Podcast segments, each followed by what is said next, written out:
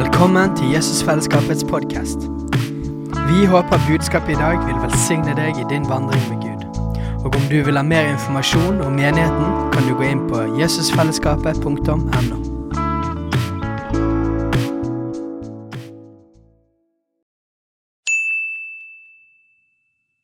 Hei! Visste du at Jesusfellesskapet starter en ny bibelskole til høsten? Den heter Jesusskolen og starter den 3. september. Gå inn på jesusskolen.no for mer informasjon.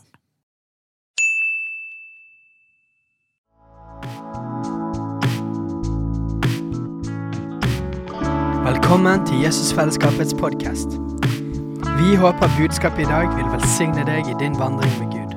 Og om du vil ha mer informasjon om menigheten, kan du gå inn på jesusfellesskapet.no. Vi er inne i en serie om Fader vår, og la meg ta en recap på hvorfor Fader vår.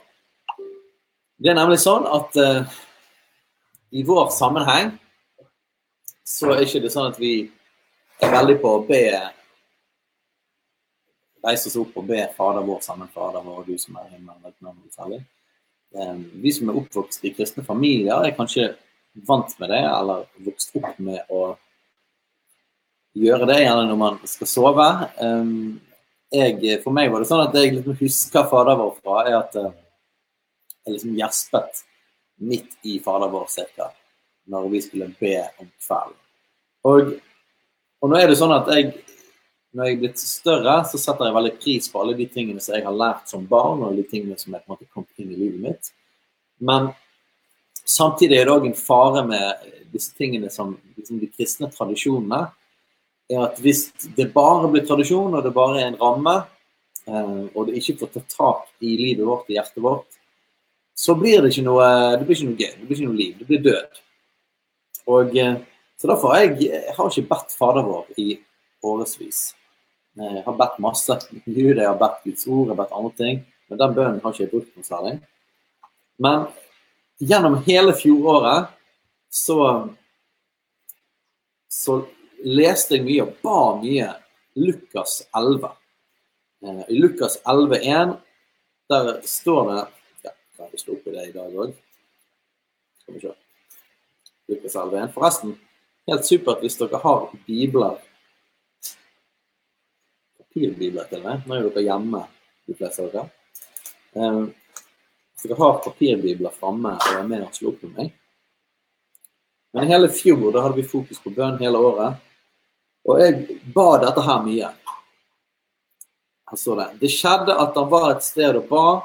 Da han holdt opp og da han var ferdig, sa en av hans disipler til ham, Herre, lær oss å be, slik som Johannes lærte sine disipler.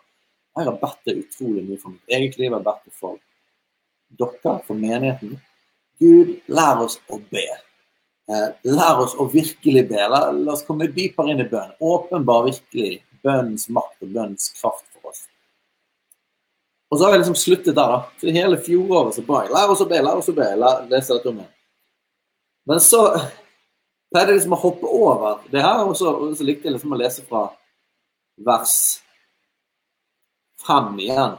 Så hoppet jeg over Fader vår, og så var liksom eh, eksempelet Jesus har med eh, en fyr som får en på besøk, og så går han og banker på hos naboen om natten og så videre. Så står de pågå ned, står skal de be, så skal du få, og så står det alle disse tingene her. Men jeg hoppet over altså den biten. Men, men i begynnelsen av dette året så klarte jeg liksom ikke å hoppe over lenger.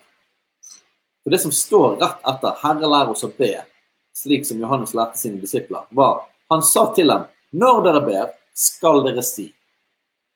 Når dere ber, skal dere si. Og eh, så kommer Fader vår, du som er i himmelen. Så jeg klarte ikke lenger å ignorere det at min eh, frelser og herre og venn Jesus sa det at når jeg ber, så skal jeg si.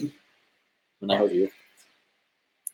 Så derfor går vi gjennom Fader vår nå. Fordi at, eh, fordi at jeg kastet meg inn i det og sier at OK, jeg må finne livet inni denne bønnen her. Eh, Og så begynte jeg å studere det, jeg begynte å praktisere det.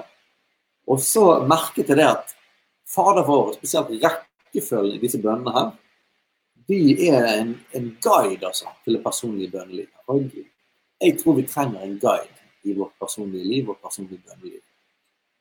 Så Derfor har vi gått gjennom bønn etter bønn nå eh, disse siste månedene.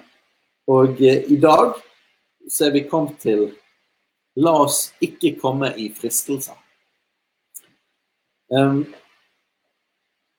den bønnen er kanskje en av de mest sånn, misforståtte. Jeg husker også det da jeg var yngre, at jeg liksom ble trøblet litt med denne bønnen.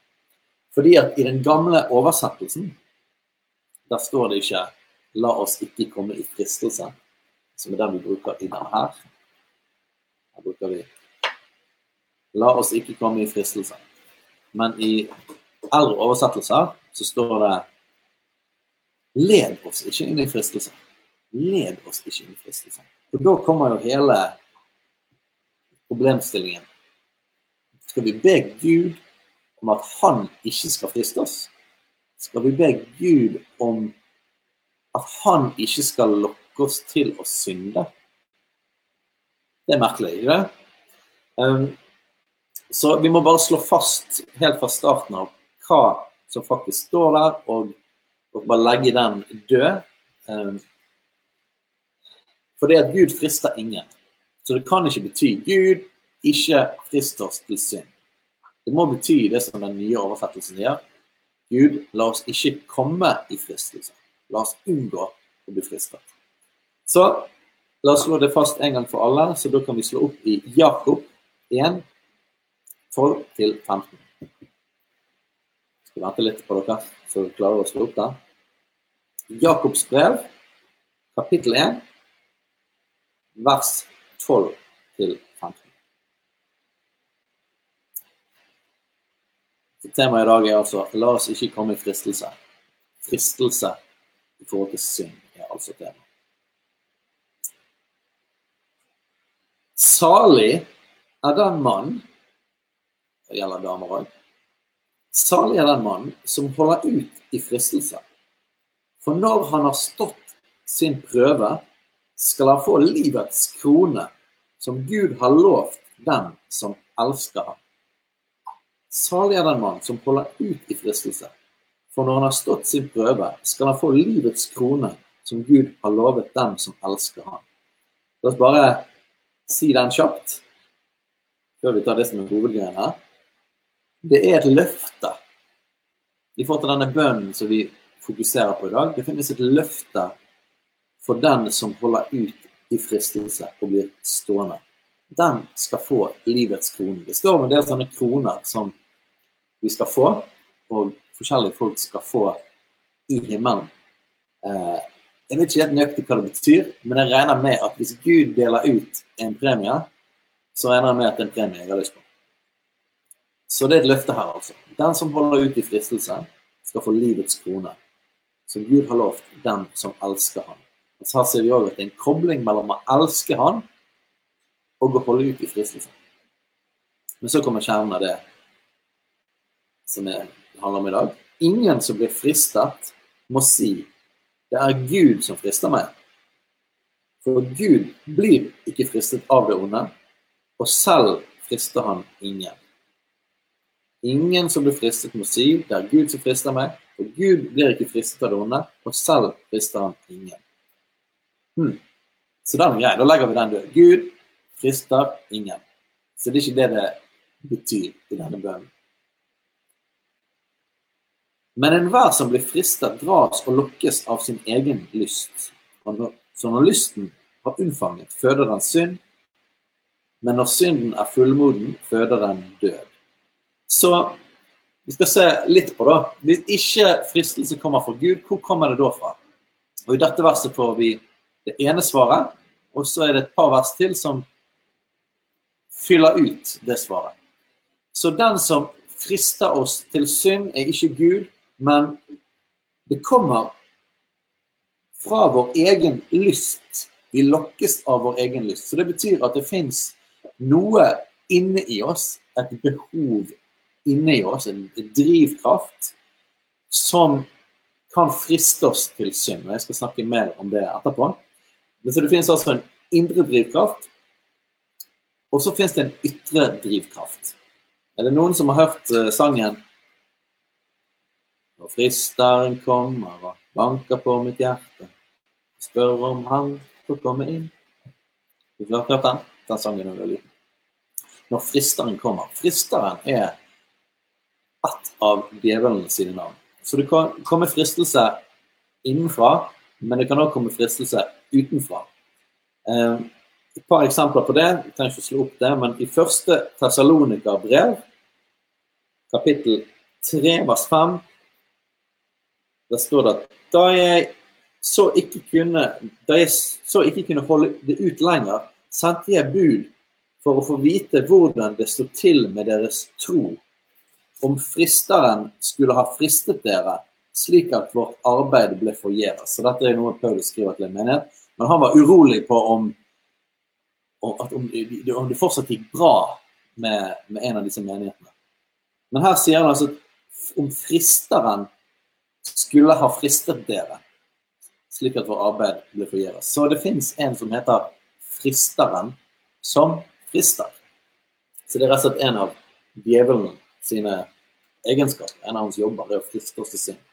Dra oss vekk fra Jesus. Eh, en til i forhold til djevelen som frister. Matteus 4 dette er en kjernehistorie når det gjelder fristelse. Og det blir satt på prøve. Dette er fra når Jesus fastet i 40 dager. Vi har jo en Jesus-faste, en 40 dagers Jesus-faste. Og det kommer ut fra denne historien når Jesus ble tatt ut i ørkenen for å fristes av djevelen. Det står om bl.a. i Matteus 4, vers 1. Da, Jesus, da ble Jesus av ånden ført ut i ørkenen for å fristes av djevelen. Og da han hadde fastet i 40 dager og 40 netter, ble han til sist sulten. Og fristeren kom til han og sa, Er du Guds sønn, så si at disse steinene skal bli til brød. Så her står det igjen at fristeren Han skulle fristes av djevelen, men så ble han kalt i vers 3 her fristeren. Så da har vi etablert det ganske tydelig og klart. ikke det? Guds ord sier at Gud frister ingen. Så vi ber ikke om Gud ikke frist oss. Vi ber la oss ikke bli fristet. La oss ikke komme i fristelse. Så når vi ber la oss ikke komme i fristelse, la oss ikke bli fristet, så ber vi om at vi ikke skal bli fristet fra vårt indre, og at vi ikke skal bli fristet av djevelen. Så dette er altså en bønn om beskyttelse fra fristelse innenfra og utenfra. Og det er jo for så vidt det som vi skrev her allerede i denne her manualen. Jeg leser dette her. Og la oss ikke komme i fristelse. Denne bønnen handler om at Gud beskytter meg fra å gi etter for noe ondt innenfra eller utenfra. Eksempel Gud, beskytt meg fra fristelser. Eller mer spesifikt, da. Gud, hjelp meg å ikke bli med på baktalen. Så det betyr at Gud har gitt Jesus personlig har gitt oss én av mange redskaper til å få leve hellig. Leve nær Han. Eh, fra å ikke synde. Og en av de redskapene, en av de hjelpemidlene han har gitt oss, er at vi skal be om beskyttelse fra å. Jeg må innrømme det, at det er ikke noe jeg har fokusert veldig mye på å be om før jeg begynte å be Fader vår. Eh, og det er jo litt sånn at eh, jeg tenker hm, det er jo kanskje en god idé å gjøre det Jesus sier. For jeg tror at alle som uh, hører dette, tenker at det hadde vært veldig fint å ikke bli fristet til synd. Uh, jo mindre fristelse, jo mindre vil vi falle i synd. Tenker du ikke det? Mindre fristelse, mindre vil vi falle i synd. Og her har Gud gitt oss rett og slett et kjemperedskap. Og i det at Gud ber oss om å be om noe, så ligger det i, i hele konseptet at det er et løfte. For at Jesus ville aldri sagt 'be dette', men jeg er ikke interessert i å svare på det. Det må jo nettopp være fordi at om vi ber La meg ikke komme i fristelse. Så er det en bønn etter Guds vilje. Og når vi ber etter Guds vilje, så vet vi at han vil svare oss. Så dette, denne bønnen er samtidig et løfte om at vi skal kunne bli slippe å bli fristet til synd. OK. Hvis jeg går litt videre. Jeg har masse skriftsteder her. Så vi går litt inn i kjernen av det som har med fristelser å gjøre. Og eh, jeg har lyst til at dere skal være med og se på noe spennende. Så hvis vi går over til Galaterbrevet, kapittel 5, 5-6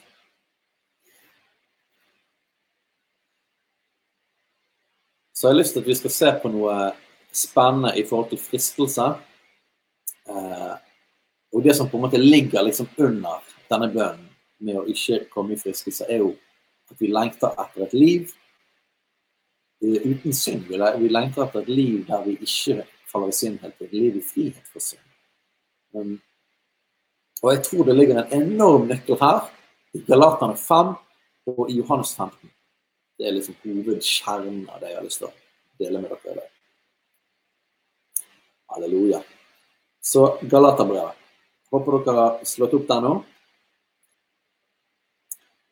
Vi kan begynne i vers 16. Galaterne 5, 16. Men jeg sier, vandre i ånden, så skal dere ikke fullføre kjødets lyst. For kjødet begjærer imot ånden, og ånden imot kjødet. De står hverandre imot for at dere ikke skal gjøre det dere vil. Men hvis dere blir drevet av ånden, da er dere ikke under loven. Kjødets gjerninger er åpenbare. Det er slikt som utukt, urenhet, skamløshet, avgudsdyrkelse, trolldom, fiendskap, trette, avvindssyke, sinne, ærgjerrighet, splittelse, partier, misunnelse, mord, drukkenskap, svirelag og annet slikt. Det var mye fint. Om, deres, om dette sier jeg dere på forhånd, og jeg har også før sagt dere, de som gjør slikt, skal ikke arve Guds rike. Så det var en lang liste på eksempler på synd. Og så kommer eh, selve rosinen i pølsen. Men åndens frukt er kjærlighet, glede, fred, langmodighet, mildhet, godhet, trofasthet, sanktmodighet og avholdenhet. OK.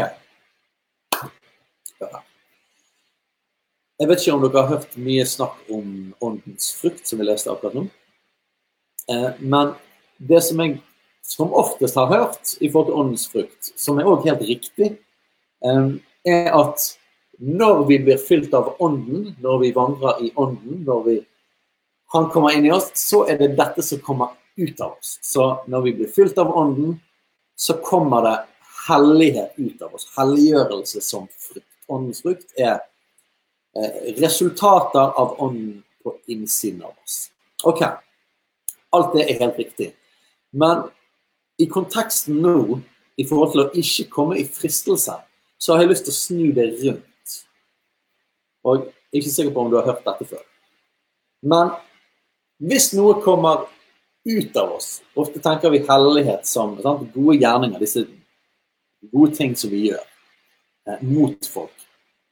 Hvis det kommer frukt ut av oss Følg med meg. Så må det jo først komme gjennom oss. Så hvis de skal treffe andre, hvis altså folk skal oppleve gode gjerninger, eller på en måte Jeg lever et hellig liv som, som er et lys for andre. Så kommer det, det kommer ut av meg. Sant? Så det blir liksom frukt, epler og pærer og sånne ting. Men hvis det skal komme ut av meg, så må det først komme gjennom. Det må først komme i meg. OK, hva er det vi snakker om her? Jo, det går ikke an å gjøre gode gjerninger uten å først oppleve åndens frukt sjøl. Vi kan ikke gi det vi ikke har. Så hvis vi skal finne ut av det som går på frihet fra synd, vandre i ånden, det å ikke komme i fristelse, så må vi snu opp ned på åndens frukt, og dette er basically setningen jeg har for å forklare dette. Jeg har skrevet om bønn, basically. La oss ikke komme friske, så Konkretisert etter dette.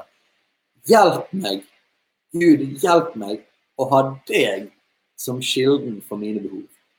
Hjelp meg å ha deg som kilden for mine behov.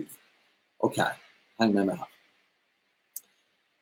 Jeg tror at kjødets gjerninger, som det står om før her, utukt, urenhet, skamløshet, avgift, trolldom, alle de tingene her, jeg tror det er resultatet av å ikke sjøl smake på ånden og åndens frukt.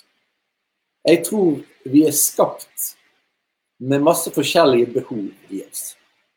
Jeg tror vi trenger Ikke bare at vi skal reflektere ut sånn som Gud er, men vi skal sjøl erfare kjærlighet.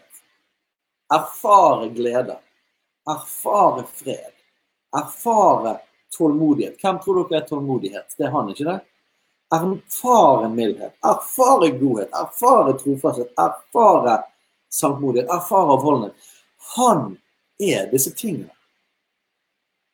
For at vi skal at hellighet skal flytte ut av oss, så begynner det med at vi sjøl får spise, smake disse tingene, disse fruktene. Vi må spise åndens frukt av Han før vi sjøl kan bli det. Her er min påstand. Når Paulus snakker om å vandre i ånden, være drevet av ånden og leve i ånden, det står flere ganger her, og når Paulus snakker om å bli fylt av ånden, så betyr alle de tingene der betyr det å spise åndens frukt fra ham.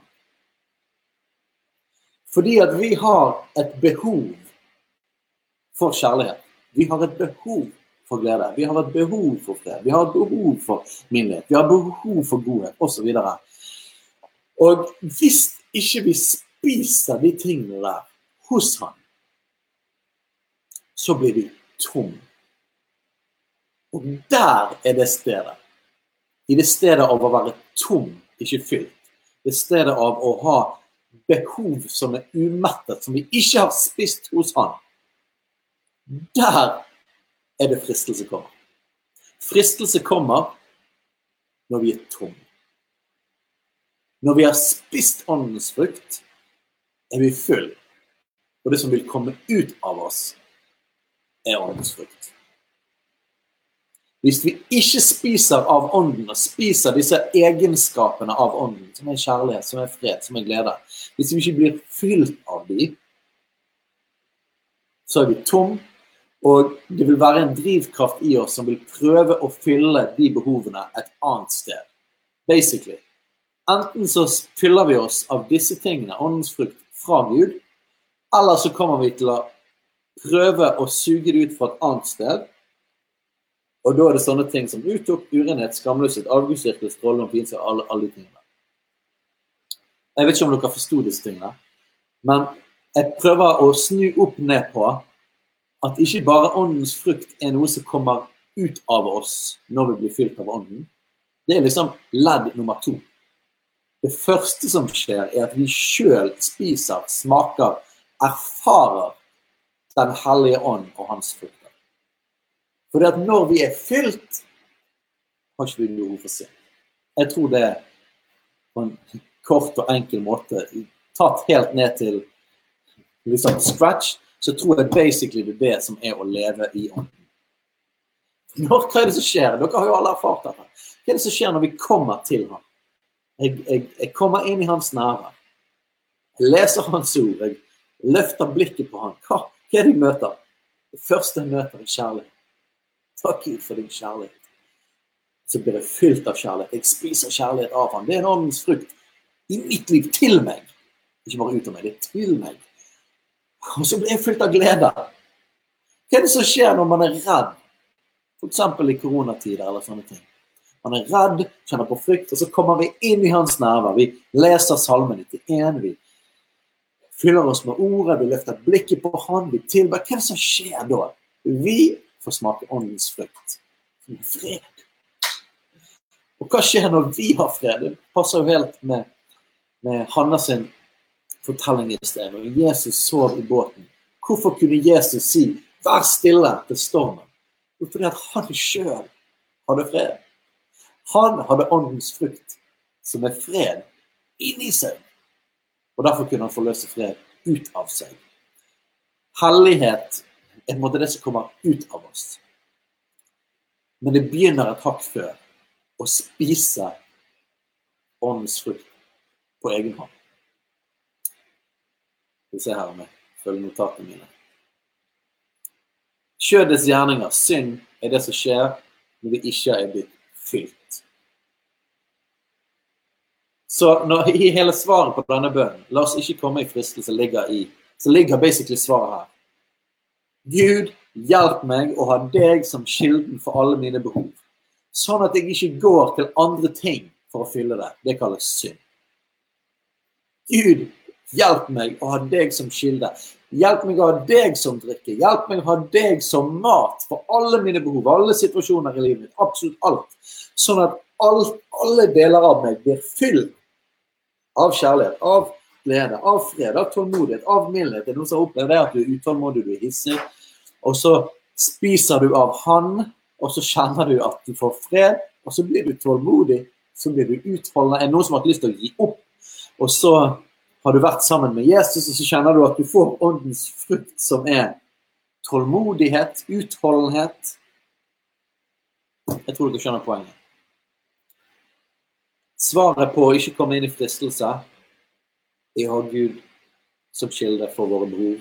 Spis først åndens frukt sjøl, og så kommer de ut av. Det var noen som skrev her Du blir det du spiser. Amen. Du blir det du spiser. Vi blir det vi spiser. Basically, Det jeg har snakket om her, ut fra Galaterne 5, er det som er beskrevet i Skriften som vi alle elsker. Vi kan ta det igjen, for det henger veldig tett sammen. Johannes 15. Bare slå det fast igjen. Nøkkelen til å ikke synde er ikke primært disiplin eller din egen kraft eller de tingene der. Nøkkelen til å ikke synde og bli fylt av rett frukt. Spise rett frukt, og så kommer det ut av deg.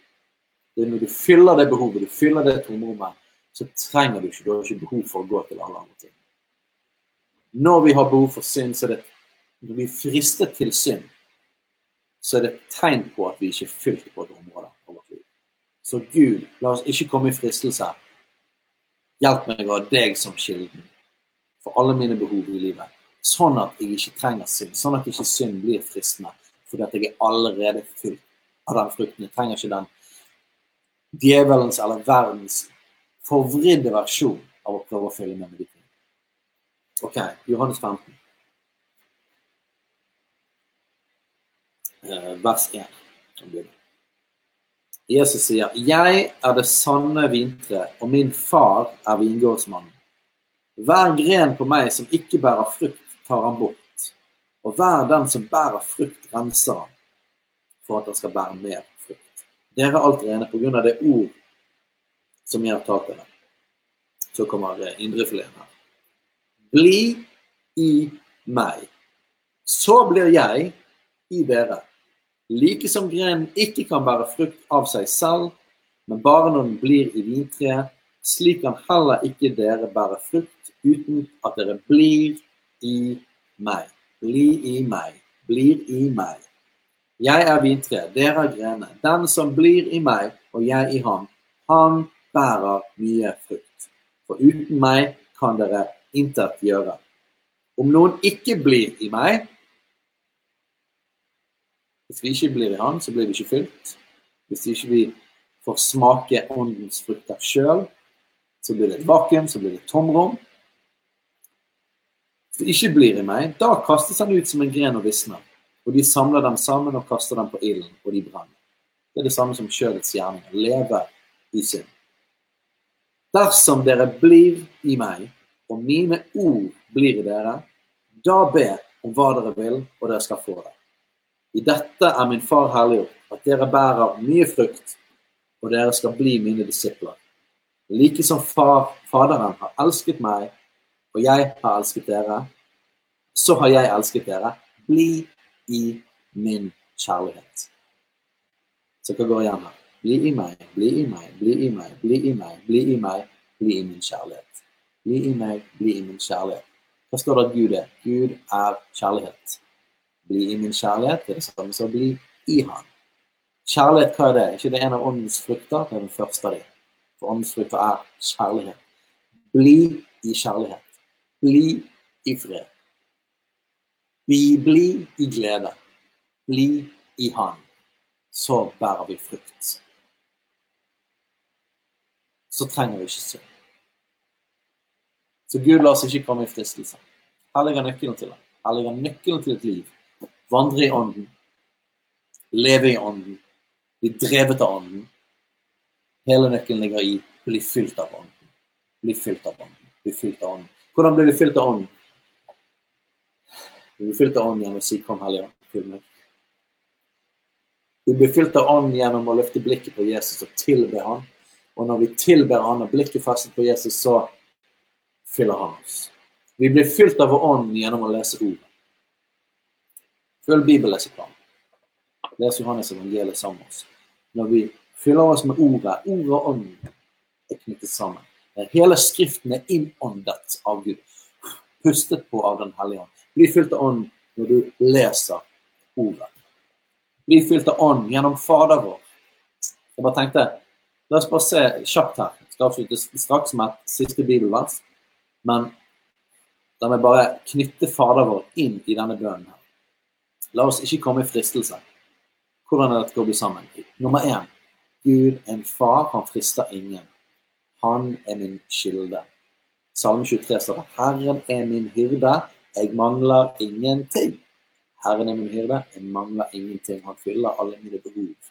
Han er en hyrde, han er en far. Når vi forholder oss til han som far, så og vi tror at han er god, og vi tror han at er en god far, så skapes det tillit i oss. Så den første bønnen i Fader vår er en nøkkel til dette. Pappa. Pappa. Pappa. Jeg tror at du er god. Jeg er ditt barn. Det fyller noe dypt i oss. Nummer to. La ditt navn holdes hellig.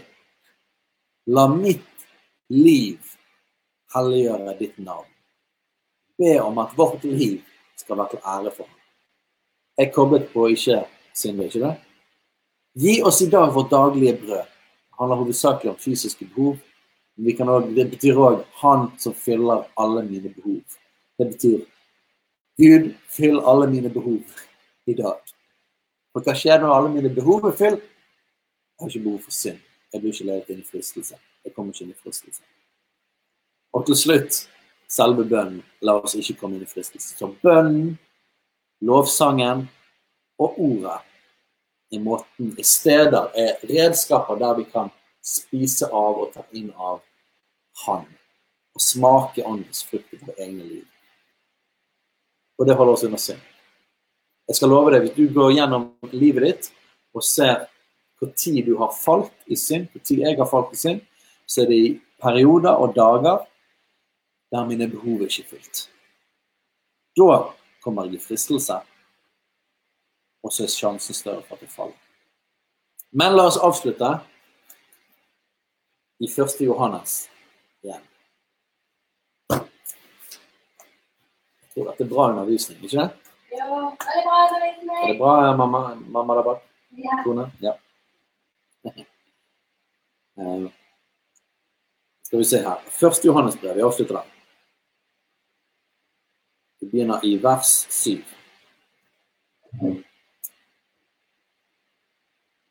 Men dersom vi vandrer i lyset, like som Han er i lyset, da har vi samfunn med hverandre, og Jesu, Hans Sønns blod, renser oss fra all synd. Så kommer det en interessant ting her, og dette er jo skrevet til kristne. Dersom vi sier at vi ikke har synd, da bedrar vi oss selv, og sannheten er ikke i oss. Så det betyr at nå snakket vi om hvordan ikke komme i fristelse. Og det er sånn vi vil leve. Vi vil leve et liv der vi ikke er sårbare for fristelse og synd. Men så har vi et løfte her om vi faller, og vi kommer til å falle. Dersom vi bekjenner våre synder, er Han trofast og rettferdig, så Han forlater oss syndene og renser oss fra all urettferdighet. Dersom vi bekjenner våre synder, er han trofast og rettferdig, så han forlater oss synder, tilgir oss synder, og renser oss fra all urettferdighet. Så hvis vi synder, om vi kommer i fristelse, og vi synder, så bekjenner vi våre synder. Så renser han oss fra all synd. Dersom vi sier at vi ikke har syndet, så gjør vi han til en løgner, og hans ord er ikke i oss. Så vi skal ikke late som at vi ikke faller. Vi er ærlige med det, og så går vi til han og bekjenner oss. Mine barn, dette skriver jeg til dere for at dere ikke skal synde. Og hvis noen synder, har vi en talsmann hos Faderen, Jesus Kristus, den rettferdige. Og han er en soning for våre synder, ikke bare for våre, men også hele verdens. Amen. Så Gud, jeg ber om at vi ikke skal komme i fristelse. Jeg ber om at du skal lære oss å gå til deg og ha deg som kilde for våre behov. Sånn at ikke vi skal gå til synd. Sånn at vi ikke skal gå til verden og til djevelen. Gud, vi ber om at vi skal få spise åndens frukt. Ja, sånn at vi kan bli det for andre, så vi kan få et hellig liv. Men først at vi får spise av deg, den du er. Din kjærlighet og din godhet og din fred og alle de tingene. Sånn at vi blir fylt av de tingene. Sånn at synd ikke frister. Gud, vi ber om at vi skal få vandre i ånden, være drevet av ånden og leve i ånden. Så takker vi for at om vi synder, så bøyer vi oss for deg. Vi kjenner vår synd, så tilgir du oss og renser oss for all urett. Amen. Hei, alle sammen. Det er Katrine og Steinar Lofnes her. Vi er hovedledere for Jesusfellesskapet. Så kjekt du har lyttet til denne podkasten. Har du forresten hørt noen av de andre podkastene våre? Ukens tale, Disippelskolen, Hyrdepodden, Kulturkrigen og Mammas hjerte. Du finner disse podkastene på Spotify, Apple Podkaster og på nettsiden vår jesusfellesskapet.no.